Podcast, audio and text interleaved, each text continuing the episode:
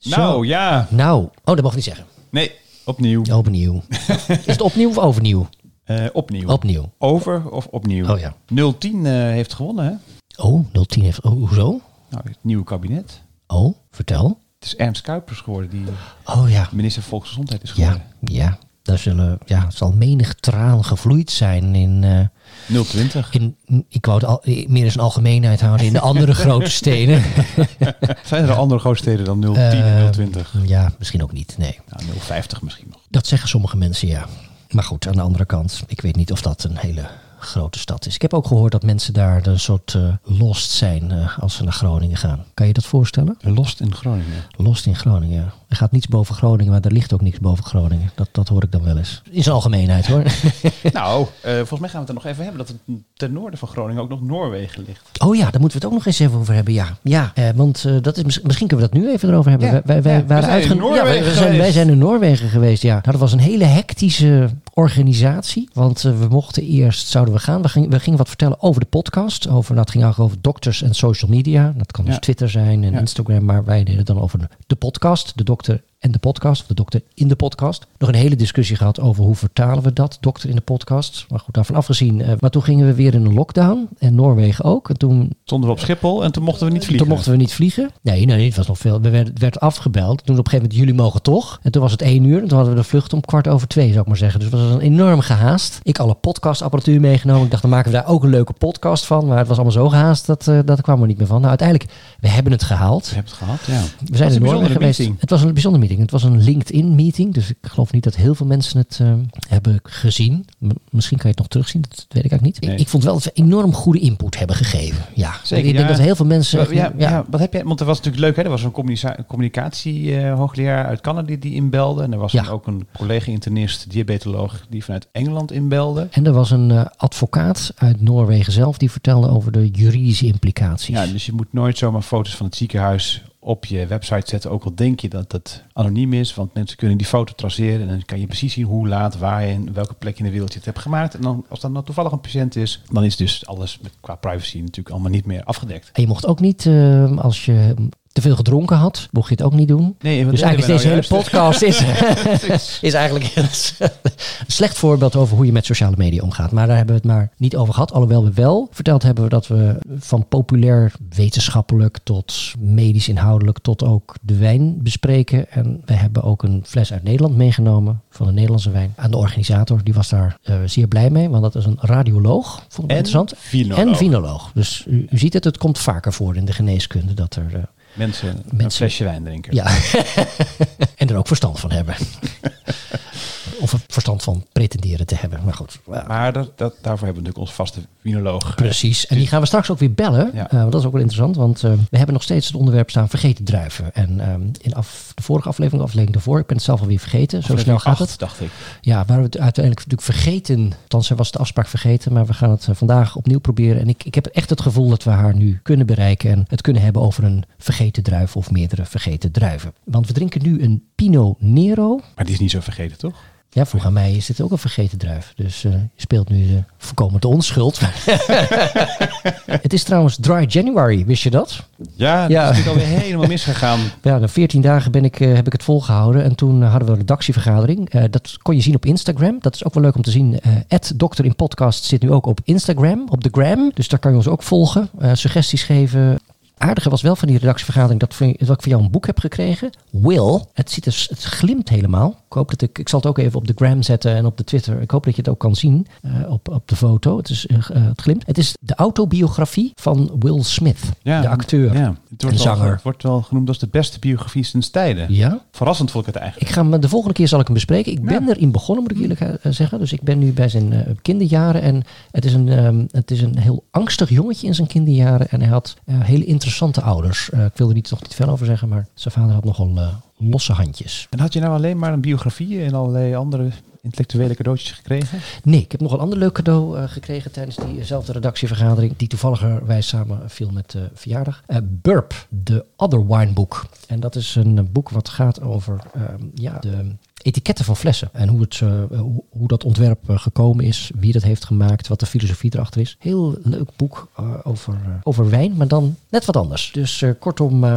weer genoeg om te lezen. En ik zal er eh, nog eh, op terugkomen. Zetten we in ieder geval op onze lijstje van eh, to-do dingen. Is dat goed? Ja, dat is wel een lange intro geworden zo. hè? Ja. Hebben we nog meer te bespreken? Ja, de persconferentie hebben we natuurlijk net gezien. Ja, We nou, maar als dit, als dit wordt uitgezonden, dan is het dan weer een paar dagen geleden. Dus ehm, Ja, maar we kunnen nu wel even vieren dat we in ieder geval tot tien uur in de disco mogen zijn. ja, vanaf morgen. Maar als we dit uitzenden, is het alweer vanaf eer, eergisteren waarschijnlijk. het is ook wel heel verwarrend. Twee jaar geleden. Twee, ja, precies. En, terug, en dan kijk je terug op corona en dan denk je, ja, het was toch eigenlijk een griepje. dus de mensen die dat als eerste zeiden, hadden achteraf dan toch weer gelijk. Ja, Ja. De waar, ja de- achteraf heeft Nou, iedereen het is gelijk. even aardig om nog even over COVID en COVID-wappies en antifax Ja. en zo te hebben. Dat Nou. is natuurlijk wel wat we in Noorwegen ook wel heel duidelijk voorkomt. Als jij niet op het sociale media eh, netwerk zit, Ja. dan doen anderen het wel. Ja, dus het is wel belangrijk om je stem te laten horen. Zeker. Ja, nou dat doen we bij deze dan. Dan moeten we maar denk ik eens even gaan beginnen. Aflevering 10 alweer, lieverd. Ja. En eh het is een jubileum. Of een jubileum. Jubileum. Of is het pas een 12,5 een jubileum? Nee, dat is brons, is dat toch? Oh. Brons jubileum. Oh, Ja. dat weet ik niet precies. Lustrum, lustrum. Lustrum, we gaan beginnen.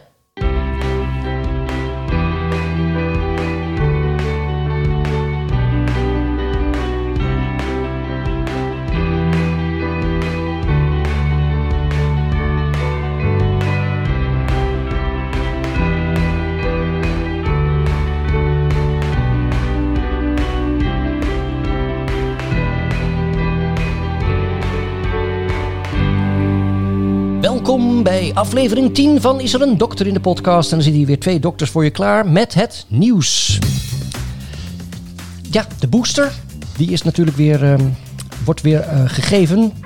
Nederland spurt nu in de boosters. Eh, we begonnen heel traag, maar nu schieten we naar voren. En dat houdt misschien ook wel eh, het aantal infecties, nou misschien niet tegen, maar wel het aantal ziekenhuisopnames, IC-opnames en doden. Van Net de... zoals een hè? Oh ja, Ja. Twee keer gevaccineerd en als je dan een doorbraak eh, krijgt? corona krijgt, Ja, je super, super immuunsysteem krijgen. Staat in science. echt waar? Ja, dat Oké, dat is interessant. Ja, ik zelf heb eh, twee vaccinaties gehad en een booster. En had toen toch uiteindelijk ook nog een positieve PCR-test. Overigens wel zonder klachten. Dus in die zin, Nou, ik heb het de idee... booster erbij, dan ben je echt super, super immuniteit. Die booster heeft heel goed gewerkt bij mij. Nergens klachten van. Ehm, maar Omicron waart door het hele land. En is het dan, mijn vraag is Omicron met een K of met een C? Jij bent klassiek geschoold volgens mij. Ja, het is Grieks. Het zal wel met een kaphuis een K zijn. Maar ja, god ja. God, dat is met een G. ja, ik weet het ook niet. Nee, ik weet het ook niet eigenlijk. Maar goed. Ehm, wat ook interessant is eh, in het nieuws, een varkenshart is bij de mens geplaatst. In Nederland mag het nog niet. Hè? Dat heet xenotransplantatie, geloof Ja, ik. Dat mag ja. nog niet. Maar in Amerika mocht het wel. En nou hebben we het de vorige keer volgens mij daar nog niet over gehad. Maar er is ook laatst een varkensnier ehm, getransplanteerd. En daar ben je nog op Radio 1 geweest Ja. om daar wat over te vertellen. In Ja. de Nieuwsbv, als ik Ja. me niet vergis. Ja, heel goed. Ja. Ja. En wat heb je daar verteld? Nou ja, dat het, eh, dat het hoopvol is. Dat heb Ah. ik eigenlijk vooral gezegd. Oh, Maar dat het, die nier, dat werkte allemaal nog niet zo. Maar, en dat was natuurlijk in een eh, patiënt met, die was hersendood. Oh. Daar, hebben ze, daar hebben ze die nier in gezet. ja, ja. Dus die patiënt zou al overlijden. Maar ze, ze wilden kijken of het principe van een varkenshart transplanteren mogelijk was. Ja. En, die, en dat hart was, of die, die nier, die was zo, zo veranderd dat je immuunsysteem het eigenlijk dat, dat, dat rare varkensweefsel niet herkent. Mhm. dus, dus het werd niet meteen afgestoten en dat liet ze ook zien. Die, die nier die heeft ook ongeveer 48 uur gewerkt, of ietsje langer zelfs. En maakte ook urine. Ah, dus het leek wel te werken, maar Maar ja, dat is altijd een beetje de vraag. Hè? Chirurgen die naaien zo'n nier in en Ja. dan zeggen ze yes, het werkt. Maar ja, of die nou drie maanden of drie jaar of tien jaar of vijftien jaar meegaat, dat is nog even Dat is de vraag. grote vraag, ja. Nu is in ieder geval varkenshart in een levende mens geplaatst. En Ja, die patiënt eh, heeft ook volgens mij levend zo- het ziekenhuis verlaten. Ja, zoals ik, als ik een beetje heb gelezen, is het eigenlijk dezelfde verandering van het hartweefsel heeft, eh, is toegepast zoals we dat ook bij de nier hebben gedaan. Dus Ja. dat afweersysteem herkent die, dat hart niet. Nee, Maar ja, eerlijk is eerlijk, een hart is natuurlijk niet zo'n complex orgaan als een nier. het is een pompje. Ja, het is gewoon een bloedvat wat knijpt. Ja. ja. Pompje, een pompje kan je waterpompen. In de auto Ja. kan je dat ook gewoon vervangen. Ja. En dan, Ja. eh, Ja, dus, maar de eh, motor, De motor, dat is nou echt een motor. Ja. Ja, mensen, hart en nieren, ja, je zult ze allebei nodig hebben. u hoort hier de strijd tussen de cardioloog en de nefroloog. Daar kunnen we trouwens ook nog wel, eh, dat kunnen we nog eens op het lijstje zetten. De cardioloog versus de nefroloog. Ja, je hebt zo'n zo'n jongen op Twitter die altijd hele grappige filmpjes maakt. Ja. glauc- Dr. Glaucoomvlekken. Ja, ja, ja. Die, die, had, die had prachtig inderdaad de, de, de essentie van het verschil tussen de, de visie van de cardioloog en de nefroloog. Ja, dat was, eh, en die kan ook heel goed nefrologen nadoen. En cardioloog. en hij is oogarts. Hij is oogarts, ja. Nee, dat- Nou, misschien even een linkje zetten in de ja, ik zal het even zeggen. Ja, het is echt, eh, even hij meekijken. heeft hilarische korte filmpjes over, eh, over dokters en, eh, en ziekenhuizen. Nou, dat was volgens mij wel het belangrijkste nieuws wat wij hadden. Was er nog Ja. iets op Twitter aan reacties geweest? Of? Oh ja, over zout. Dat is wel interessant. Nou, goed dat je het zegt. Ehm, ik had namelijk een eh, vraag gekregen over Twitter. Ik hoop dat ik het mag voorlezen. Ach, waarom niet? Het staat toch eh, het staat op Twitter. Dus, eh. Dat was iemand die had mij gevraagd. Die had hoge bloeddruk en die gebruikte dieetzout, kaliumzout, in plaats van natriumzout. En sindsdien is de bloeddruk gedaald. Nou, dat is heel mooi. Daar hebben we het volgens mij al een keer, eerder- hebben we het al over gehad. Vorige keer, ja. Nou werd er gezegd dat die persoon het kaliumzout niet meer mocht gebruiken, want het verhoogde het kalium in het bloed. En het advies was om gemalen zeezout te gebruiken. En dan was dan, eh, had dan twee vragen aan mij op Twitter. Eén, wat vind je van dat advies? En twee, wat vind je ervan dat die iemand een huisarts is? ja, dat is iemand tussen aanhalingstekens. Ik heb toen eh, geantwoord, ik zal even een tweet eh, voorlezen, dan kan, jij, kan ik kijken of jij het ermee eens bent. In zijn algemeenheid maakt het soort natriumzout niet uit. Zeezout, maldonzout, Himalayazout, grof of fijn gemalen, allemaal hetzelfde zout en niet goed voor een eh, of, of niet goed bij een hoge bloeddruk. Kaliumzout is beter. Stijging van kalium kan een beperkende factor in het gebruik zijn. Ja, ik denk dat dat wel goed advies is. Ja, weet je, eh, welke vorm van zout je ook eet, het is vaak keukenzout. En of dat nou uit de Himalaya komt, of uit de zee, of Maakt helemaal niet uit, toch? ergens eh, in het oosten van het land. Eh, Maldon, het klinkt Boekelo heb je dan die, Ja. die zoutputten. Het is allemaal natriumchloride. En dat is uiteindelijk toch niet goed voor je bloeddruk. Oké. En kaliumzout, als je dus een deel van dat natrium dus vervangt voor kalium, dan gaat de bloeddruk omlaag. Maar Ja. dan is toch steeds de vraag, kun je dat kalium kun je ook ergens anders vandaan? Dat zit er groente en fruit. En Precies. we kunnen groente en fruit eten tot we omvallen. En we krijgen toch geen hoog kalium in ons bloed. Dus jij zegt eigenlijk dat hoge kaliumzout, dat, dat, dat, de hoge dat hogere kaliumgehalte in zout, dat levert niet een hoger kalium op in het bloed. Nee. Nee. Tenzij je problemen aan je nieren hebt. Ja, precies. Ja, dat was een beetje mijn. Ja, dat weet ik natuurlijk niet. Dus ik, daar, mo- daar moet je een beetje zijn algemeenheid een advies geven. Want als er een eh, Ja. nierinsufficiëntie is, dan zou het natuurlijk wel kunnen. Ja, en dan geldt eigenlijk ook, dan moet het probleem van de nier zo ernstig zijn dat je eigenlijk niet meer plast. Want zolang je plast kun je je kalium eigenlijk prima kwijt. Ah, is dat zo? Ja. Mooi. Nou, we hebben weer wat geleerd. Of er is een internist zoals jij die kaliumsparende medicijnen voorschrijft. ja, Dat dat is, is, dat is ook niet zo handig dan. Nee. daar moet je er ook op letten. Wel ja. Dus de combinatie kaliumsparende medicijnen en een niet goed werkende nier, dat is een risico. Ja. En als je niet meer plast, Exact. En anders kun je kalium eten totdat je de... bij neervalt.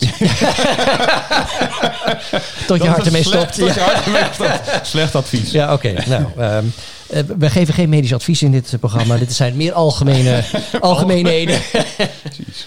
Eh, dus, ehm, Drink niet te veel alcohol. Nee, dat is precies. Over, over alcohol eh, gesproken en over wijn. We hebben een eh, heerlijke Pinot Nero uit 2017 van Frans Haas. We hebben wat vaker van Frans Haas eh, gedronken. Die zit in de Alte Adige, onder andere in Noord-Italië. En het aardige van, van Frans Haas is dat hij ook altijd hele mooie etiketten heeft. Maar laten we eens gaan bellen met iemand die nog meer verstand heeft van wijn. Of die sowieso meer verstand heeft van wijn.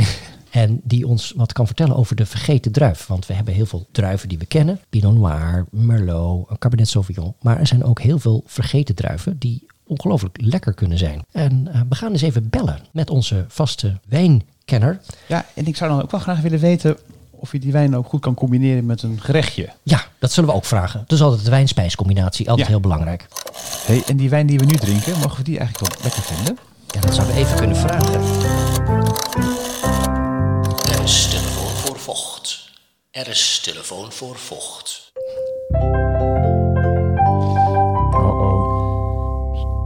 Hallo met Bronwijn. Hey Bronwijn, je zit live in de podcast. Ik kreeg een heel strak tijdschema door. Ja, we en- zijn echt van de klok vanavond. Ja, we- ja wij, zijn, wij zijn er nooit zo van. Maar eh, we dachten, we moeten het proberen. Want de vorige uitzendingen was het niet gelukt. eh, doordat we iets te laat waren of te vroeg. Ik weet niet meer. Het zal wat te laat zijn geweest. Maar eh, we Ja. dachten, nu moeten we het op tijd doen. En want we hebben nog steeds op ons verlanglijstje staan de vergeten druif. Want er zijn namelijk een heel wat druiven eh, die vergeten Ja. zijn. Maar die ongelooflijk leuke en lekkere wijnen maken. En we hebben volgens mij de eerste uitzending of de tweede uitzending hadden we de Carignan druif. Eh, die heb je toen al voor ons besproken. Want wij wisten niet of, je nou, of we hem lekker mochten vinden. Toen vroegen wij, zijn er nog nu- meer nu- vergeten ja, druiven? Ja, want we hebben dus nu een Pinot Nero. Pinot Ja. Nero. Ja.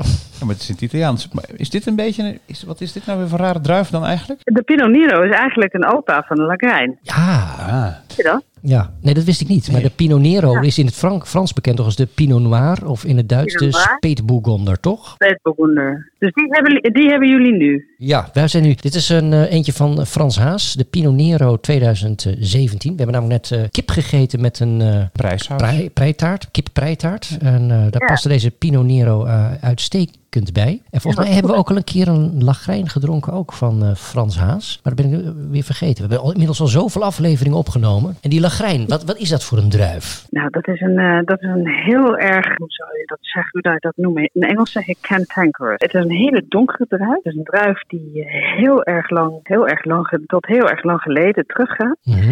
En het is ook een druif die eh, oorlogen heeft veroorzaakt. Omdat, ja, Oh. als je heel erg teruggaat naar de, naar de 13e en de 14e eeuw, gingen de oorlogen over de rechten van, van de gronden waar de Lakrijn op stond. Ah, oké. Dat is heel intrigerend, hè? Ja, ja. ja, waar stond hij dan? Op welke gronden stond hij dan? Of dat... Nou, dat stond in de, waar hij nu nog steeds staat, Noord-Italië. Oké. Eh Alta you know, dat zijn eh, echt de, de uitgesproken plaatsen waar eh, deze druif het heel erg goed doet. Vanwege de kalksteen en dat, de gravel ondergrond. Mhm. En ook vanwege de weersomstandigheden. Want die houdt wel van een beetje warmte. Dus deze gronden die houden ook wel een beetje de warmte vast. Ah. Het, is een, eh, het is een mooie druif. Het is een druif die, ja, als je het nog even een beetje over de geschiedenis. Ja. Charles eh, de Vierde, die heeft een wet eh, gepasseerd. En in die wet stond dat zijn soldaten het dure en nobele lagrijn niet mochten drinken. Want dat was alleen maar voor de mensen die aan de bovenkant van de maatschappij stonden. Oh. Eh, En die moesten, de, de soldaten, die moesten mindere alcoholische drankjes, dus dat zegt het al. Het is een alcoholische druif. Mhm. Drinken, bijvoorbeeld de Schi- Schiava. Oh. Dat is ook een druif uit die omgeving. Ja, en, en het, groeit, het groeit het best op, op, op, eh, op heuvels die eh, naar het zuiden kijken. Dus er is veel zon nodig. Ja, die Ja. hebben echt wel zon. Dus hè, dan heb ik het weer. De warmte, daar heeft hij het eh, echt wel nodig. La- Het, die groeit het, het- ja, oh, wel met name in, in Italië. Maar er zijn wel andere landen die het ook hebben geprobeerd Oh. ja, iets van te maken. En het, ja, dus die smaken wel iets anders. Australië, hè, daar heb je ook natuurlijk Ja. de warmte. Warmte, ja. Heel veel warmte. En Amerika. Oké, maar deze Ja. niet gelukt, begrijp ik. Nou ja, het lukt wel. Maar kijk, Amerika die gooit natuurlijk wel een bak eh, van dat eh, mooie Amerikaanse eiken er tegenaan. Oh ja. En dan krijg je wel weer eh, zoetere smaken. En, eh, Alsof ze whisky aan het brouwen zijn. ja, ja, kijk, ja, Lagijn is natuurlijk wel een druif die heel veel wat we dan noemen de Anthocyanen eh, heeft. Dus een, wat, wat meer kleur in de schil. Het is een hele diepe, diepe donkere druif. Oké. Donkerrood? Met heel veel tannines. Daar Veel tannines. En betekent dan met veel tannines dat je hem ook lang moet laten liggen voordat je hem kan drinken? Of hoeft dat niet? Nou, een Lagijn moet je niet langer dan tien jaar laten liggen. Oké. Hij wordt er niet beter op. Wordt hij niet beter? Tegenwoordig laat, eh, eh, ja, het, het begint natuurlijk wel in de wijngaard, maar ook in de kelder. Ja. Tegenwoordig zal het niet heel veel schil in, schilweking hebben. Om ze toch wel wat, eh, wat minder tannineus te maken. Te Wacht even, in de schilweking? De schilweking. Dus zeg maar dat, het, dat het druivensap hè, en tijdens de fermentatie, dat dat vers wordt en dan, dan gaat het echt fermenteren en echt een week op de schillen. Daar komen al die antocianen los. Dus, dus al die, die tannines los van die Oké. antocianen. Ja, en dat, eh, dat, eh, dat doen ze tegenwoordig niet te lang. Nee, Gewoon om wel wat toegankelijker te maken. Want het is best wel een powerhouse. precies. Dus dan, eh, dan wordt hij wat soepeler. En, Ja, ehm, ja, maar goed, het is dus een relatieve tanninerijke, dus wat zurige wijn. Nou ja, ja, je kan het eh, in de categorie van Cabernet Sauvignon en Ja, eh, precies, ja. Merlot, maar dan net even, net even wat anders. En het is dus ook Eh. een, druif, een druif die hoog in alcohol zit. Dus een wat zwaardere wijn levert hij op. Ja, ik kan wel, ik kan wel wat eh, goed suikers aanmaken. Dus eh, suiker is alcohol. Dus hij eh, kan inderdaad best wel wat, eh, wat eh, alcohol bevatten. Ja. De druif is wel een, een, het is wel een moeilijke druif. Want het heeft wel met, product, wel met eh, fertiliteit, het heeft met fertiliteitsproblemen te kampen. Hè? Oh. Dus eh, ja, ja. Ja, wij denken dan weer hele andere dingen, maar... Maar eh, leg uit, dat het is, je kunt het niet reproduceren, begrijp ik? Of je kunt Ja, het niet, ja, kunt ja, het niet ja. enten? Of? Klonen. Nou ja, de, de, de, de vrouwelijke eh, bloemen, die zijn eh, ja, echt een beetje imperfect. Nou, dat hoor je nooit. ja, Oh, ja. of zeg je nou weer iets? eh, Ja, dus dat, dat, dat betekent ook dat de reproductie natuurlijk wel het probleem is. Eh, en dan heb je aan de stok, hè, aan, aan, eh, in het groeiproces, heb je te maken met een proces dat heet couloure. En dat betekent dat de bloemen die uiteindelijk, de bloemen, die worden dus uiteindelijk druiven. Mhm. Mhm. De bloemen die worden, komen niet tot druiven. Dus dan krijg je bossen met een beetje gaten erin, dus niet complete bossen. Dus niet echt voldoende druiven. Dus van- vandaar dus ook een verminderde jaarlijkse productiviteit soms van, van een. Ja. Dus het is een moeilijke druif. Moeilijke Maar om die reden ook dat die Charles IV dacht, van, ja weet je, daar hebben we dus, het is zo moeilijk te verbouwen, dus alleen de hogere klasse, want als we dit als een soort ja, breed Als een massaproduct gaan geven, dan dan, dan, dan Nee. doen we onszelf tekort. Ja, nou ja, het was natuurlijk niet in overvloed, maar het was wel gezien als een nobele, nobel drank. Een nobele drank. Hè? En, en Eh. waar, waar kan je die lagrijn nou het beste bij drinken? Bij hè, de, de wijn-spijscombinatie, die altijd heel belangrijk is. Ja, dat is heel erg belangrijk. Daar, daar, daar gaat het tenslotte om, hè? vandaag eh, de dag. Nou, een, een, een, een, een lekke eend, Eens. Oké, eend. Nou ja. Ja, of- ja. of een kip, of een, eh, of een, een mooie paddenstoelenrisotto, of Ach, een mooie. Harde stuk kaas, of eh, geroosterde bieten. Hè? Echt die aardse, aardse dingen. Oké. Zeg, en je zoekt- daar Polenta, want eh, ze eten daar in Noordoost-Italië heel veel polenta. Polenta. Ja, daar kan het ook bij. Dus Polenta met paddenstoelen. met paddenstoelen. Ja, ik zeg Mm, bospodders. is altijd, Ja. is altijd kijken wat de locals eten. ja. Polenta met Polenta. paddenstoelen. nou, heel goed. Ja, nee, dat klopt dan wel. Ja. Ja, Ja, dat is Ja. wel een, een goede, goede tip inderdaad. Dus Ja. de lagrijn is een ehm hoogalcoholische druif. Moeilijk eh, te verbouwen. Maar lekker bij polenta met paddenstoelen. Maar ook een eentje is niet te versmaden met een lekkere Ja, lagrijn. Mm, lekker. ja, en als afsluiter, Ja, er is geschreven dat, het ooit een, dat er ergens een witte lagrijn is, een lagrijn bianco, maar het is nog niet duidelijk. Mhm. DNA-onderzoek heeft nog niet kunnen aanwijzen wat het precies was. Het is wel, eh, denken ze in de literatuur, ze denken dat het een Sauvignon Blanc kan zijn, een Trambiner, daar eh, zo geheten, of een eh, Lagarino Bianco, maar dat is nog niet bewezen. dus we zijn nog op zoek naar de witte, Witte lagrijn. Een soort heilige graal. Nou, Ja. we zijn- die, die zoektocht, mochten er ontwikkelingen zijn, laat het ons weten. Ja, is hey, dankjewel voor deze uitleg over een vergeten druif. Eh, misschien komen we de volgende uitzending nog, een keer- eh, nog wat terug eh, voor vergeten druiven. Want Het is heel leerzaam. het is altijd waar. A, leerzaam en het is altijd leuk om wat nieuws te ontdekken. Je kent natuurlijk allemaal de Pinot Noir en de Cabernet Sauvignon en de, en de Merlot. Maar het is ook leuk om af en toe eens wat nieuws te proberen. En dus Ja. een lagrijn uit de Alta Adige eh, met een beetje polenta met wat paddenstoelen. Of een, een eentje klinkt dus eh, als een mooie nieuwe uitdaging voor het eh, Ja. nieuwe jaar. Ja, dat zou ik zeker proeven. Nou, dankjewel. Fijne avond hè. Hetzelfde. Dankjewel. Doei.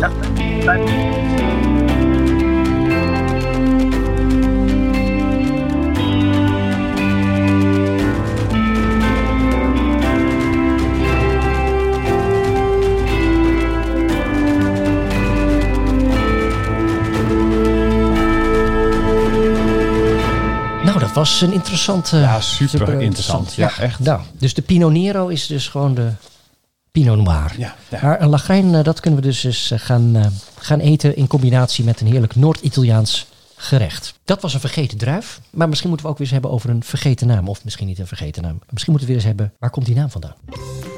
Renault. Wat Spielmeiger Vogt. Reiter. Kaler. Waar komt deze naam vandaan? En vandaag gaan we het hebben over de ziekte van von Willebrand. Even voor de mensen die dat niet kennen, heel kort. Het is een eh, tekort aan een stollingseiwit, de von Willebrand factor. En die zorgt ervoor dat de bloedplaatjes die geactiveerd worden aan elkaar kunnen gaan plakken en ook aan de vaatwand kunnen gaan zitten. Kort gezegd en eh, simpel uitgelegd. Dus de ziekte van van Willebrand. De ziekte van van Willebrand is vernoemd naar de Finse arts Erik Adolf van Willebrand. Hij werd geboren in Vasa in Finland op 1 februari 1870.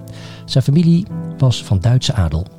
En die was in, waren in Finland gaan wonen, maar spraken Zweeds, de Zweedse minderheid. Dus hij studeerde aan de Universiteit van Helsinki. In 1899 kreeg hij zijn dokterstitel op het proefschrift Zur Kenntnis der Bloedveränderungen nach Aderlassen. En dat ging over de verandering van de hoeveelheid rode bloedcellen naar aderlaten. Na zijn promotie ging hij werken in een spa in Heinola. Hij onderzocht het effect van de thermotherapie op gezondheid. Daarnaast gaf hij les aan de Universiteit van Helsinki op het gebied van de anatomie en de fysiologie. In 1908 werd hij aangesteld als docent in de interne geneeskunde en werkte hij als hoofd van de afdeling interne geneeskunde van het Diakones ziekenhuis in Helsinki. En bij, dat, bij die afdeling hoorde ook de gerenommeerde hematologische laboratorium. Hij bestudeerde in die periode onderwerpen als metabolisme, overgewicht en jicht. Kortom, welvaartsziekte. Ook was Van Willebrand in 1922 een van de eerste artsen die insuline gebruikte. In 1924 werd hij geconsulteerd over een vijf jaar oud meisje, Jordis Sundblom, met een bloedingsaandoening. Hij kwam erachter dat het een andere ziekte was dan hemofilie en noemde dit in een artikel in 1926 hereditair pseudohemofilie, oftewel aangeboren pseudohemofilie. Dit was een Zweeds artikel en in 1931 werd het in het Duits gepubliceerd, waarna het internationaal op de kaart kwam te staan. Het ziektebeeld werd uiteindelijk bekend als de ziekte van Van Willebrand. Van Willebrand zelf dacht dat het probleem in de bloedplaatjes zat en pas in 1957 werd ontdekt dat de ziekte door een tekort van een eiwit in het bloedplasma werd veroorzaakt. In 1971 werd het eiwit gekarakteriseerd en vernoemd naar Van Willebrand. Van Willebrand ging in 1933 met pensioen en op 12 september 1949 overleed hij in Perna in Finland op 79-jarige leeftijd. Kortom, eindelijk weer een dokter die op respectabele leeftijd is overleden. Ja, niet aan een van een infectieziekte of zo. Nee, gewoon ouderdom. Ja. Of hartfalen hebben we ook altijd. Endocarditis, weet je, dat soort. Ja, dat, de pomp was stuk. Ja. Eh, dat stond niet beschreven, dus volgens mij is hij gewoon overleden aan ouderdom. De ziekte van Van Willebrand. Zo, Uiterst- nou, dat is uiterst, uiterst- uiterst eh, informatief. informatief, ja. En ook Mocht- bijzonder, hè? al die Scandinavische eh, kruisbestuivingen. Ja, dus hij was van Duitse origine, maar hij, hij, hij was dus van de Zweeds sprekende, sprekende deel. Dus je hebt in Finland een, eh, een Zweeds sprekende ja, eh, minderheid. En hij heeft ook gewoon echt dat sauna-bezoek heeft hij gewoon eh Ja, heeft hij op, bestudeerd, ja, hè? ja, precies. En op de kaart gezet als gezond, denk ik. Is het eigenlijk gezond, sauna? Ja, Geen flauw idee. ja, ik weet het ook niet. Misschien moeten we daar nog eens een keer... eh, ken- kennen we iemand Ja. die eh, iets ja, weet over thermo... de, de, de man die de Iceman heeft gevolgd. Oh, ja, maar dat gaat over de kou. Ja, Niet oh de warmte. dat is toch ook thermotherapie? Dat is wel waar, ja. nou, dat is, misschien, eh, die, dat is misschien nog eens aardig om daarover, op, daarop terug te komen, inderdaad. Er zijn Want, ik, natuurlijk... ja, dat is, want het is wel echt... Ik, ook allemaal dokters die springen nu allemaal in de Amstel en die gaan zwemmen. Echt waar? Ja, ik weet het niet wat die allemaal Oh. in de winter. En, Koud afdouchen, dat is Ja, ook al... eh Moet je er zelf nooit aan denken. dat blijkt ook weer goed te zijn voor je immuunsysteem. nou, dan moeten we misschien een keertje iemand over bellen. Wat, eh, Ja, precies. Of we dat, of we dat moeten doen of niet. Vooralsnog uh, is douche ik gewoon lekker warm. stolling? Nou, niet dat ik weet. Niet specifiek. Volgens mij is dan altijd de vraag, doet het iets in je afweer? Of doet het iets op je stressniveau, waardoor je nou, beter gaat functioneren? Volgens mij, dit, met dit hele IJsman-onderzoek ging ook met name over afweer en het voorkomen van sepsis. Dus van hele ernstige infecties. Dat je dat door koude en ja, ook mindfulness of zo. eh, hoe heet dat? eh, ja, dat je, Yoga, ja, niet yoga, maar dat je daar enorm... Ja, ontspanning. Oefeningen. Oefen, dat je de oefeningen, dat, dat, dat, dat je je afweer kan stimuleren. En heel rustig worden. Ja. Misschien moeten we eens even gaan, gaan moeten we eens een dokter gaan bellen en kijken wat die nou in, eh, aan het doen is. Ja. Dokter, dokter, wat doet u nu? Dokter, wat doet u nu? nou, over bloedstollend gesproken. Een vechtsport, is dat niks voor jou, Lievert? Mm, Nee, ik ben Nee. wat. Nee. Sport je eigenlijk wel? Ja, ik doe aan hockey. Elke maandagavond. Oh. Dat kon weer sinds afgelopen... Eens eh, sinds tijden weer. Gewoon op maandagavond gehockeyd. Beetje spierpijn nu op dit moment nog. Het is donderdag. Oh nee, het is dinsdag. Nou, het is dus meestal als je een tijd niet hebt ges- gesport Nee, je gaat weer, dan duurt het twee dagen. En dan de twee dagen na het sporten heb je het meeste spierpijn. Klopt, ja. Of je hebt corona, dat kan natuurlijk. Heb je hoofdpijn? Nee, Ruik even die wijn. Ruik even die wijn. Ja, ruik nee, je... nee. Maar je hebt, we hebben elke, bij elke uitzending hebben we wasabi liggen hier altijd. Ja, precies om te testen. We, we hebben geen zelftest, we nemen gewoon hap wasabi. En als je dan de tranen in je ogen springen, Dan weten we dat je geen corona hebt. eh ruikt heerlijk naar eh, ja, een beetje rood fruit. Hè? Ja, ja. Maar goed. de- goud. Eh, maar goed, eh, we dwalen af. vechtsport, Oh, nee, ja. Vechtsport. Ja, nee, nee, nee, nee. Ja, Ja, nee, vechtsport niet. Wel integrerend vind ik het hoor. Zou er, zou er dokters zijn die aan vechtsport doen? Ja, nou ja, dat is eigenlijk wel een goeie? is dat een combinatie? Dokter en vechtsport? Ja. En dan echt een vraag aan de luisteraars. Als er dan een vechtsport wordt beoefend door een dokter, wat voor dokter is het? En wat voor vechtsport zou die dokter dan doen? Ja, ik heb wel een dokter. Zullen we die eens even vragen? Oh, gaan we die bellen? Ja, natuurlijk, lijkt me prima.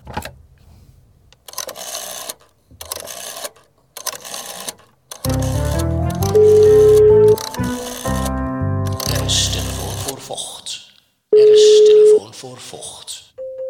Met Alvera Boeren. Hey Elvira. Elvira, je spreekt met eh Liffert hier. En eh Sanne, Hallo. van, Hallo. is er een dokter in de podcast? Kijk, goedenavond. Hallo. Goedenavond. Hallo, Welkom goedenavond. in de uitzending. Wij, wij hadden, Dankjewel. ja, we hadden net eh, de discussie over, een, eh, over dokters en sporten. En toen vroeg ik aan uh, Liffert of hij eh, aan vechtsporten deed, maar dat doet hij niet. Hij doet dan hockey. Maar toen vroegen we ons af, Mhm. een dokter en vechtsporter, zou dat nou voorkomen? En dan ook de vraag, wat voor dokter zou dat dan doen? En Ja. toen kwam Liffert, eh, eh, ging hij opeens bellen en toen zat jij in de uitzending. Dus ik heb het gevoel dat hier een connectie zit. ik, heb het gevoel dat we hier ergens naartoe gaan. Want Elvire, Ja. Elvire wat, wat voor dokter ben jij Ja, eigenlijk? ben je dokter? Ja, het klopt helemaal. Ik ben dokter eh, en ik eh, ben psychiater van beroep. Ja. Ah, kijk aan, dat is interessant. En, en, en, en psychiater, eh, de, de psychiatrie in de volle breedte? Of heb je nog ehm, aandachtsgebieden? Is dat in de psychiatrie Ja, zo? ik heb Aandachtsgebieden? inderdaad wel een, ik heb inderdaad een aandachtsgebied. En dat eh, is het gebied van de bipolaire stoornissen. Ah. En ehm, ik heb een, eh, ja, een polykliniek waar we dan eh, en daar eh, mensen op wel onderzoeken en daarvoor behandelen. Ja, die bipolaire stoornis is wel een, eh, iets wat belangrijk is om snel, eh, ja, snel te herkennen en mensen er goed voor te behandelen. Ja, we kunnen ook altijd die behandelingen verbeteren. En daarom ben ik ook bezig met, eh, met onderzoek op dat gebied. Ah, Ah. ah. Ehm, eh, dat richt zich met name ook op, eh, op het lithiumgebruik. Lithium is eh, best wel een oud middel, maar Ja, het is nog steeds oud. een middel van eerste keus. Ja, ja het nou, lijkt een inderdaad. beetje op het is- natrium. Ja, het is een zout, hè? Lithium is een zout. Ja, is Ja, interessant ja, dat en daar hebben, zout jullie dat echt komt. heel, veel- ja, daar hebben jullie volgens mij heel veel verstand van. Dat vind ik Eh, heel leuk, ja. Ja. Maar even voor de mensen die het niet weten, wat is een bipolaire stoornis? Nou, kijk, een bipolaire stoornis, dat, dat kenmerkt zich eigenlijk door, door terugkerende depressies en, en hypomanieën of manieën. Dat wordt eigenlijk omschreven als een, als een chronische kwetsbaarheid, eh, maar met een eh, zeg maar, episodisch ziektebeloop. En tijdens zo'n ziektebeloop, eh, ja, wat je veelal ziet, is, is een verandering van, eh, van energie. Hè, die ja, afgenomen kan zijn tijdens een depressie, maar juist toegenomen kan zijn tijdens een hypomanie of manie. Maar je ziet ook wel verandering van eh, energie, stemming en ook eh, de gedachtenwereld kan ook veranderd zijn. Dus mensen kunnen bijvoorbeeld heel erg overmoedig raken en hele onverstandige beslissingen nemen, die dan eh, ja, toch verstrekkende gevolgen voor de rest van hun leven ook eh, soms kunnen hebben. Nou ja, goed, het, het kan ook tot hele ja, zeg maar schadelijke beslissingen leiden. En daarom is het ook wel echt belangrijk om dat ja, goed te herkennen en het dan ook een goede behandeling voor aan te bieden. En dan een van de behandelingen is dus lithium. Weet, weten Ja. we hoe het werkt? Nou ja, daar is dus eigenlijk, eh, er wordt wel echt heel veel onderzoek naar gedaan, maar nog steeds is dat ook wel een beetje een mysterie hoe dat nou precies eh, zijn effecten bewerkstelligt. Oh, interessant. En ehm, ehm, dat is eigenlijk ook wel, ja, ook wel heel erg interessant eh, waar wij nu mee, mee aan de slag gaan. Het is eigenlijk een, ja, ook wel een, een nieuwe invalshoek die, die wat ja, meebeweegt op de ontwikkelingen binnen de neuroimaging. Want in de afgelopen jaren ja, is het steeds beter mogelijk geworden om eh, op hele hege- hoge resoluties eh, ja, eh, toch een MRI-scan te maken. Kunnen meer inzichtelijk maken wat er in het brein gebeurt. En in combinatie ook met de ontwikkeling van nog een andere techniek, de magneetresonantie-spectroscopie. Zo. Zo, nou, een hele mond vol. Oh, oh, oh. Ja, ja, ja. Eentje. Ja, eh, Daarmee is het ook mogelijk om echt lithium zelf te visualiseren in het Ah. brein. En dat Oh, is wel echt heel erg nieuw. Ja, ja, ja, dat is razend interessant. Dus wat je daarmee ook kan doen, is als je op een gegeven moment ja, op zoek kunt gaan naar bepaalde distributiepatronen of bepaalde ja, concentraties in de, ja, de whole brain, maar ook wel in bepaalde eh, regions of interest, zoals het dan heet. Hè, eh, bepaalde gebieden in het brein waar we wel in het bijzonder in geïnteresseerd in zijn ook. En ja, te kijken of we daar verschil in vinden. Nog Ja. te correleren valt aan eh, klinische uitkomstmaten bijvoorbeeld. Maar het is wel Ja. bijzonder dat je dat mineraal eigenlijk kan vinden in weefsels met MRI. ja die MRI-technieken gaan enorm vooruit. Dat is ook wel mooi, Ja. dat je heel Ja. veel dingen kan visualiseren. Nou, Ja. en, Hey, en, en, ja, en dat lithium, ja, god, ik ben natuurlijk een nierdokter. Dat ken ik natuurlijk op een hele andere manier. Dus ga je de Ja. nieren ook imagen? De, de nieren die, die, eh, die, gaan we niet imagen, maar ik herken wel inderdaad die zorg. Het is, het, het is wel zo dat we, als je wel kijkt naar, de, naar hoe lithium de laatste jaren wordt gedoseerd, dan, eh, dan is het wel veel gangbaarder geworden om eh, die dosering eh, weer te verlagen nadat iemand bijvoorbeeld weer gestabiliseerd is op, eh, op, op het lithium. Ehm, ook met het idee eh, dat, ja, dat je daar toch de nieren wat mee zou kunnen sparen. En dat, dat lijkt ook wel het geval te zijn. In die zin dat ja, toch ook eh, nierfunctiestoornissen die gerelateerd worden aan, eh, aan lithiumgebruik. Ja, want daar refereer ik natuurlijk aan. Ja. ja, het is, ja, een, mooi, het is ja. een mooi middel voor de hersenen, maar de nier vindt het lithium niet zo fijn. Dat is eigenlijk de samenvatting. Dus de, de nierfunctie Nou ja, gaat als je achteruit. dus, als je dus van inderdaad lithium. Nou, niet goed op de dosis let, Ja. hè? Ja, oké. Ja, het niet ja het, monitort. het, het lijkt wel inderdaad dosisgerelateerd te zijn. En, eh, ja, en, en wat we vroeger nog wel eens eh, eigenlijk vaker zagen, bijvoorbeeld ook echt eindstadium nierfalen, dialyse. eh, ja, dat, dat, dat zien we de laatste ja, twee decennia eigenlijk weinig meer. Ja. Ja, dus daar lijkt wel in mee te spelen dat er nu wel wat eh, ja, sowieso meer oog voor is. En dat mensen op lithium hè, ook wel langdurig worden begeleid. Ook wel door eh duidelijk gespecialiseerde polyklinieken. Ja. En eh, Kijk ja, dat, dat het wat voorzichtiger wordt gedoseerd waar het kan. Ja. Hey, maar we, we belden jou ja, natuurlijk precies, om, ja, ja. om de persoon achter de dokter en de onderzoeker. Eh, want wat, dit doet, wat doet, dokter, wat doet u nu? Is dan altijd de vraag. vechtsport, hè? Over. ja. Doe jij een vechtsport, Ja. aan een vechtsporten? Ja, ja, ja. En ja, welke? Superleuk onderwerp. Eh, ja, ik doe aan karate. Oh, kijk aan. Dus jij, Ja, eh, ja. jij hakt heel makkelijk knopen door. Of is het eh, plankjes? Of is dat, is dat karate, is dat met oké, plankjes of niet? Of is dat weer een misconceptie die ik nu weer de wereld in help? Nou ja, nou, het grappige is dat dat effect met die plankjes, dat hebben we wel ooit eens gedaan voor demonstraties. Dat doen we altijd erg goed. Ja, Maar ik moet zeggen dat, we dat- dat de trainingen daar niet heel erg op richten hoor. Ehm, eh, maar eh, ja, eh, ja, ik kan misschien iets vertellen over de, de aanleiding. Maar, hoe ik daar zo Ja, hoe kom je in karate? Nou, nou, heel graag, ja. Neemt ons de woorden uit de mond. Mond, ja, precies. Ja. Wij gaan echt ach- achteroverleunen. Oké, oké. Ja. Nou ja, ik, ik ben er eigenlijk mee begonnen in de studententijd. En ehm, eh, destijds was het, eh, ben ik er eigenlijk mee begonnen eigenlijk als ondersteunende sport. En eh, Mhm. ik, eh, ik had een andere sport die ik dat was schermen. Vond ik ook super leuk om te doen, maar ik merkte dat ik conditioneel wel wat eh, eigenlijk eh, tekort schoot erin. En ik wilde eigenlijk, eigenlijk in eerste instantie gewoon een betere conditie opbouwen. Nou, en eh, als je dan gaat kijken naar hoe bouw je verder conditie op, dan kom je toch snel bij sporten die wat meer op de intervaltraining zitten, intervalconditie trainen. En ik had toevallig een paar mensen in mijn omgeving, onder wie ook een paar studiegenoten, die, eh die karate deden en die daar heel erg enthousiast over waren. En ja, dat maakte mij wel nieuwsgierig. Dus ik ben toen samen met een, een jaargenoot eh, gestart met het eh, studentenkarate toen in, eh, in Utrecht. Ja, dat was eigenlijk eh, ontzettend leuk. Ja, zo gaandeweg merkte ik inderdaad, van, nou, mijn conditie werd er ook echt wel beter van. En ik, eh, het gaf ook veel conditie, of eh, veel voldoening ook wel eh, om, om daar te trainen. Ja. En eh, ja, ik ben er eigenlijk, eh, eigenlijk bijna alle tijd mee doorgegaan. En, en ben je nu ben je een goede karate, karate speler? Of, ja, wat? Krijg je ook banden bij karate? Ja. Of, of, of slips of dat soort Ja. dingen, hoe heet dat? Ja, iemand die karate doet noem je een karateka overigens. Een karateka. Eh, en, Karateka. eh, ja, ja, ja. Je hebt inderdaad wel het bandensysteem ook in het karate. Mhm. Eh, en dat eh, ja, begint met, met, met witte band eh, wanneer je net start. En eh, via diverse kleuren kom je uiteindelijk dan uit eh, na minstens vier, maar vaak ook wel wat langere, eh, meer jaren, kom je dan uit bij een, eh, bij een dangraad. Dus dat is een zwarte band. Ah, ook Ah, dus, zwarte dus band. van wit, kleuren van de regenboog, naar zwart. Zwart. Ja. En, en waar, zit, waar zit Ja. jij nu in het spectrum? Eh, ik, ik zit bij, bij zwart. Ik zit, Ah, oh, kijk, wel, kijk, pas op. kijk. ja, ja. Ja. Waar- Waarbij trouwens ook nog eens een gedachte erachter zit dat als je maar lang genoeg traint, dat die zwarte band dan vanzelf weer lichter wordt. En dan kom je uiteindelijk weer bij wit uit. En dan is Ah, ja. Oh, het cirkel weer rond. Het is een soort Aziatische... eh, Feng Shui. Ja. Of nee, Yin Yang. Yin en yang, hè? Ja. Ja, je komt uiteindelijk van zwart-wit weer terug. Oh, Hey, ja. en is, is het handig om karate te kunnen als je psychiater bent? Nou, ehm, ik, ik weet niet Heb of je het wel eens toegepast? nou, nou, ja, de, eh, de, de, de technieken zelf niet. Maar ja, kijk, waar je wel aan kan denken, eh, wat, wat je wel leert met, eh, met, met die trainingen, is dat je, ja, het is letterlijk vallen en weer opstaan. Hè? Dus je leert wel omgaan met tegenslagen, je leert te volharden. En wat je ook wel doet, eh, ja, ook op dat conditionele stuk, is dat je wel steeds probeert de grenzen van je eigen kunnen op te zoeken. En ook het liefst een klein beetje op te rekken. Dus ja, misschien zijn, zijn dat een beetje de zaken waarin je wat, wat overlap zou kunnen vinden. Terwijl ja, je bent op zoek naar de grenzen van je kunnen, maar dat is misschien bij bipolaire stoornissen juist het probleem, toch?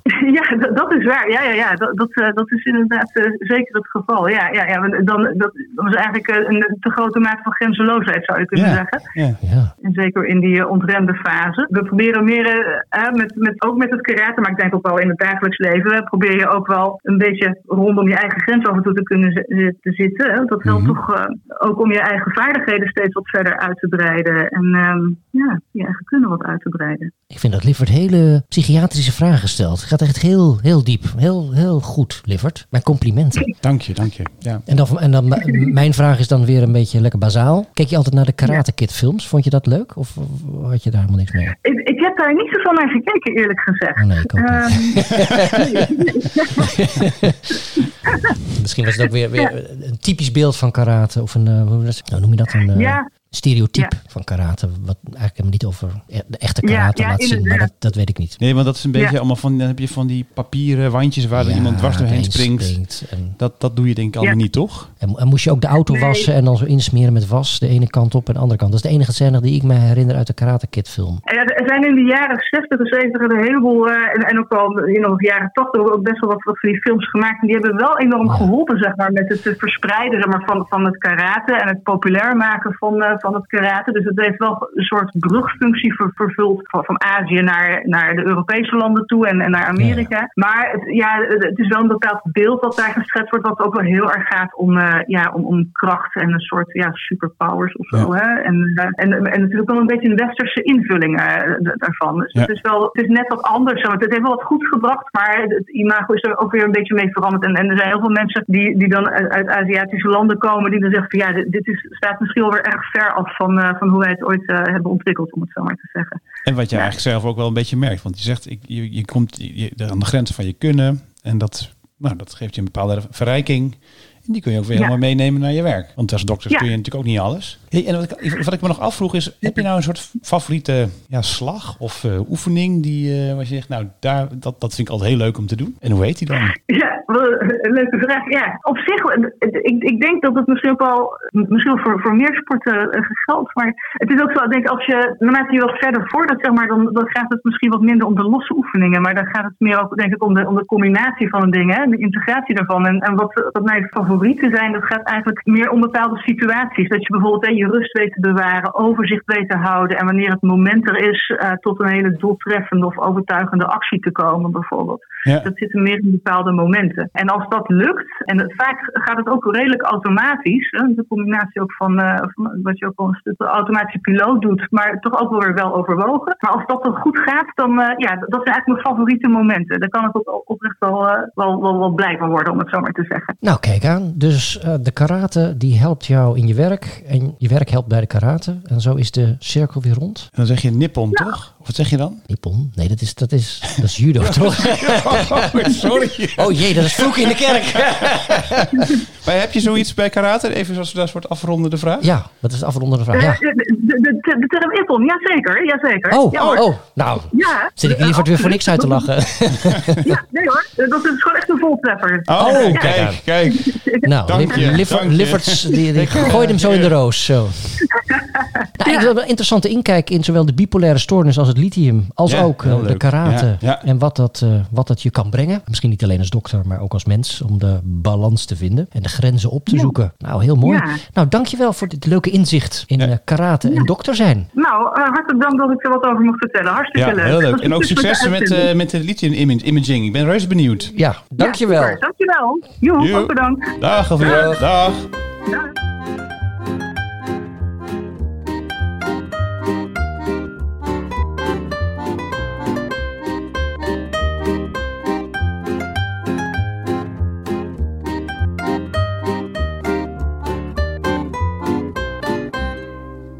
Nippon.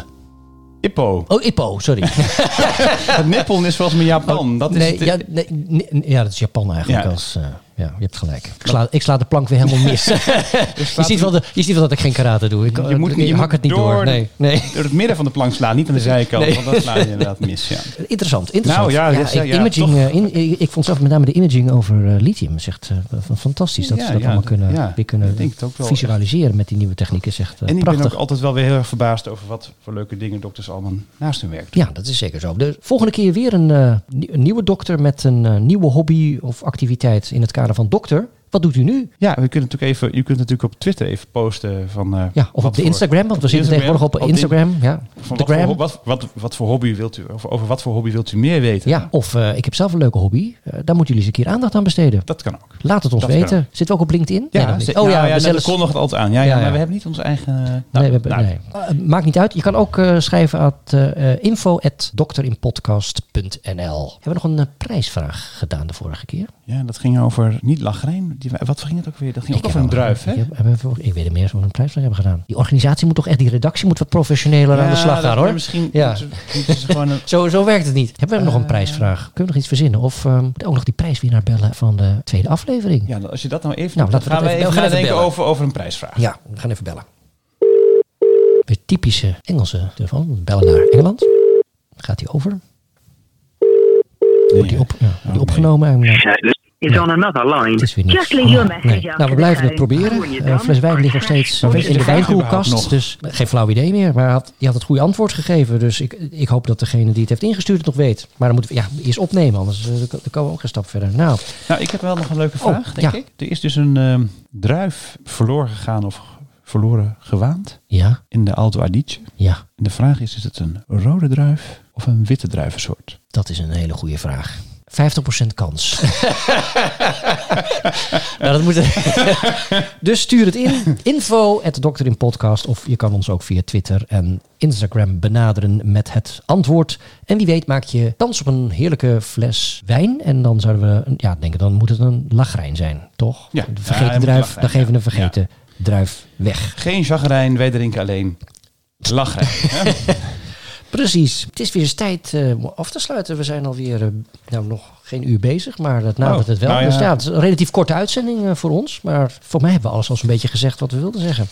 Of heb jij nog iets? Nee, nee. Niks uit het nieuws? Niets wat je is opgevallen? Uh, nou ja, je kan het nu kwijt? Ja, nou ja, god, ik zit nog een beetje bij te komen van die hele persconferentie. En ik zit natuurlijk te denken, waar ga ik straks uit eten? Ja, waar ga je straks uit eten? Ja, ik ben wel heel... Ik ben dus vlak voordat alles dichtging, ben ik bij Obistro geweest aan de Lindenstraat. Oh, dat bij jou. Het Vlak bij jou de Biologisch, biologische Oh, wijnen. Super- Oh. Maar het is super lekker. Lekker. Ja. Obistro. Obistro. Hier in Noord Dus ik zit denk eh, dat daar- CS ook veel biologische wijnen. Het is, eh, ja, Cornerstone in Noord. Ook een heel aardig fusion-achtig. Maar ook heel veel vegetarisch voor mensen die dit leuk vinden. Maar je kan ook eh, geloof vlees en vis. Maar veel, eh, veel groenten. En ook heel veel biologische wijnen. Nou, Nou, we, we, we, gaan we we- we- gaan eens kijken. En dan kunnen we erop terugkomen. Tijd voor de afsluiting, denk ik. ja. Hartelijk dank voor het luisteren. Volg ons en abonneer je in je favoriete podcast-app zoals Spotify of Apple of Google Podcast. Dan mis je geen aflevering. Heb je suggesties, opmerkingen of vragen? Geef het door via info.doktorinpodcast.nl of via Twitter @doktorinpodcast. En wat ik al zei, we zijn ook te volgen via Instagram @doktorinpodcast.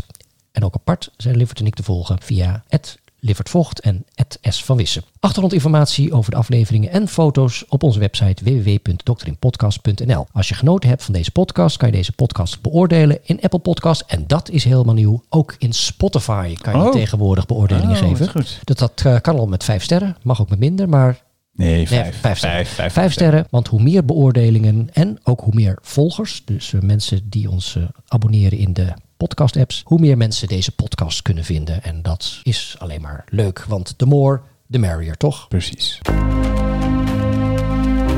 Dat was het weer, Liffert. Ja. Nou, zit er weer op. aflevering 10, ja.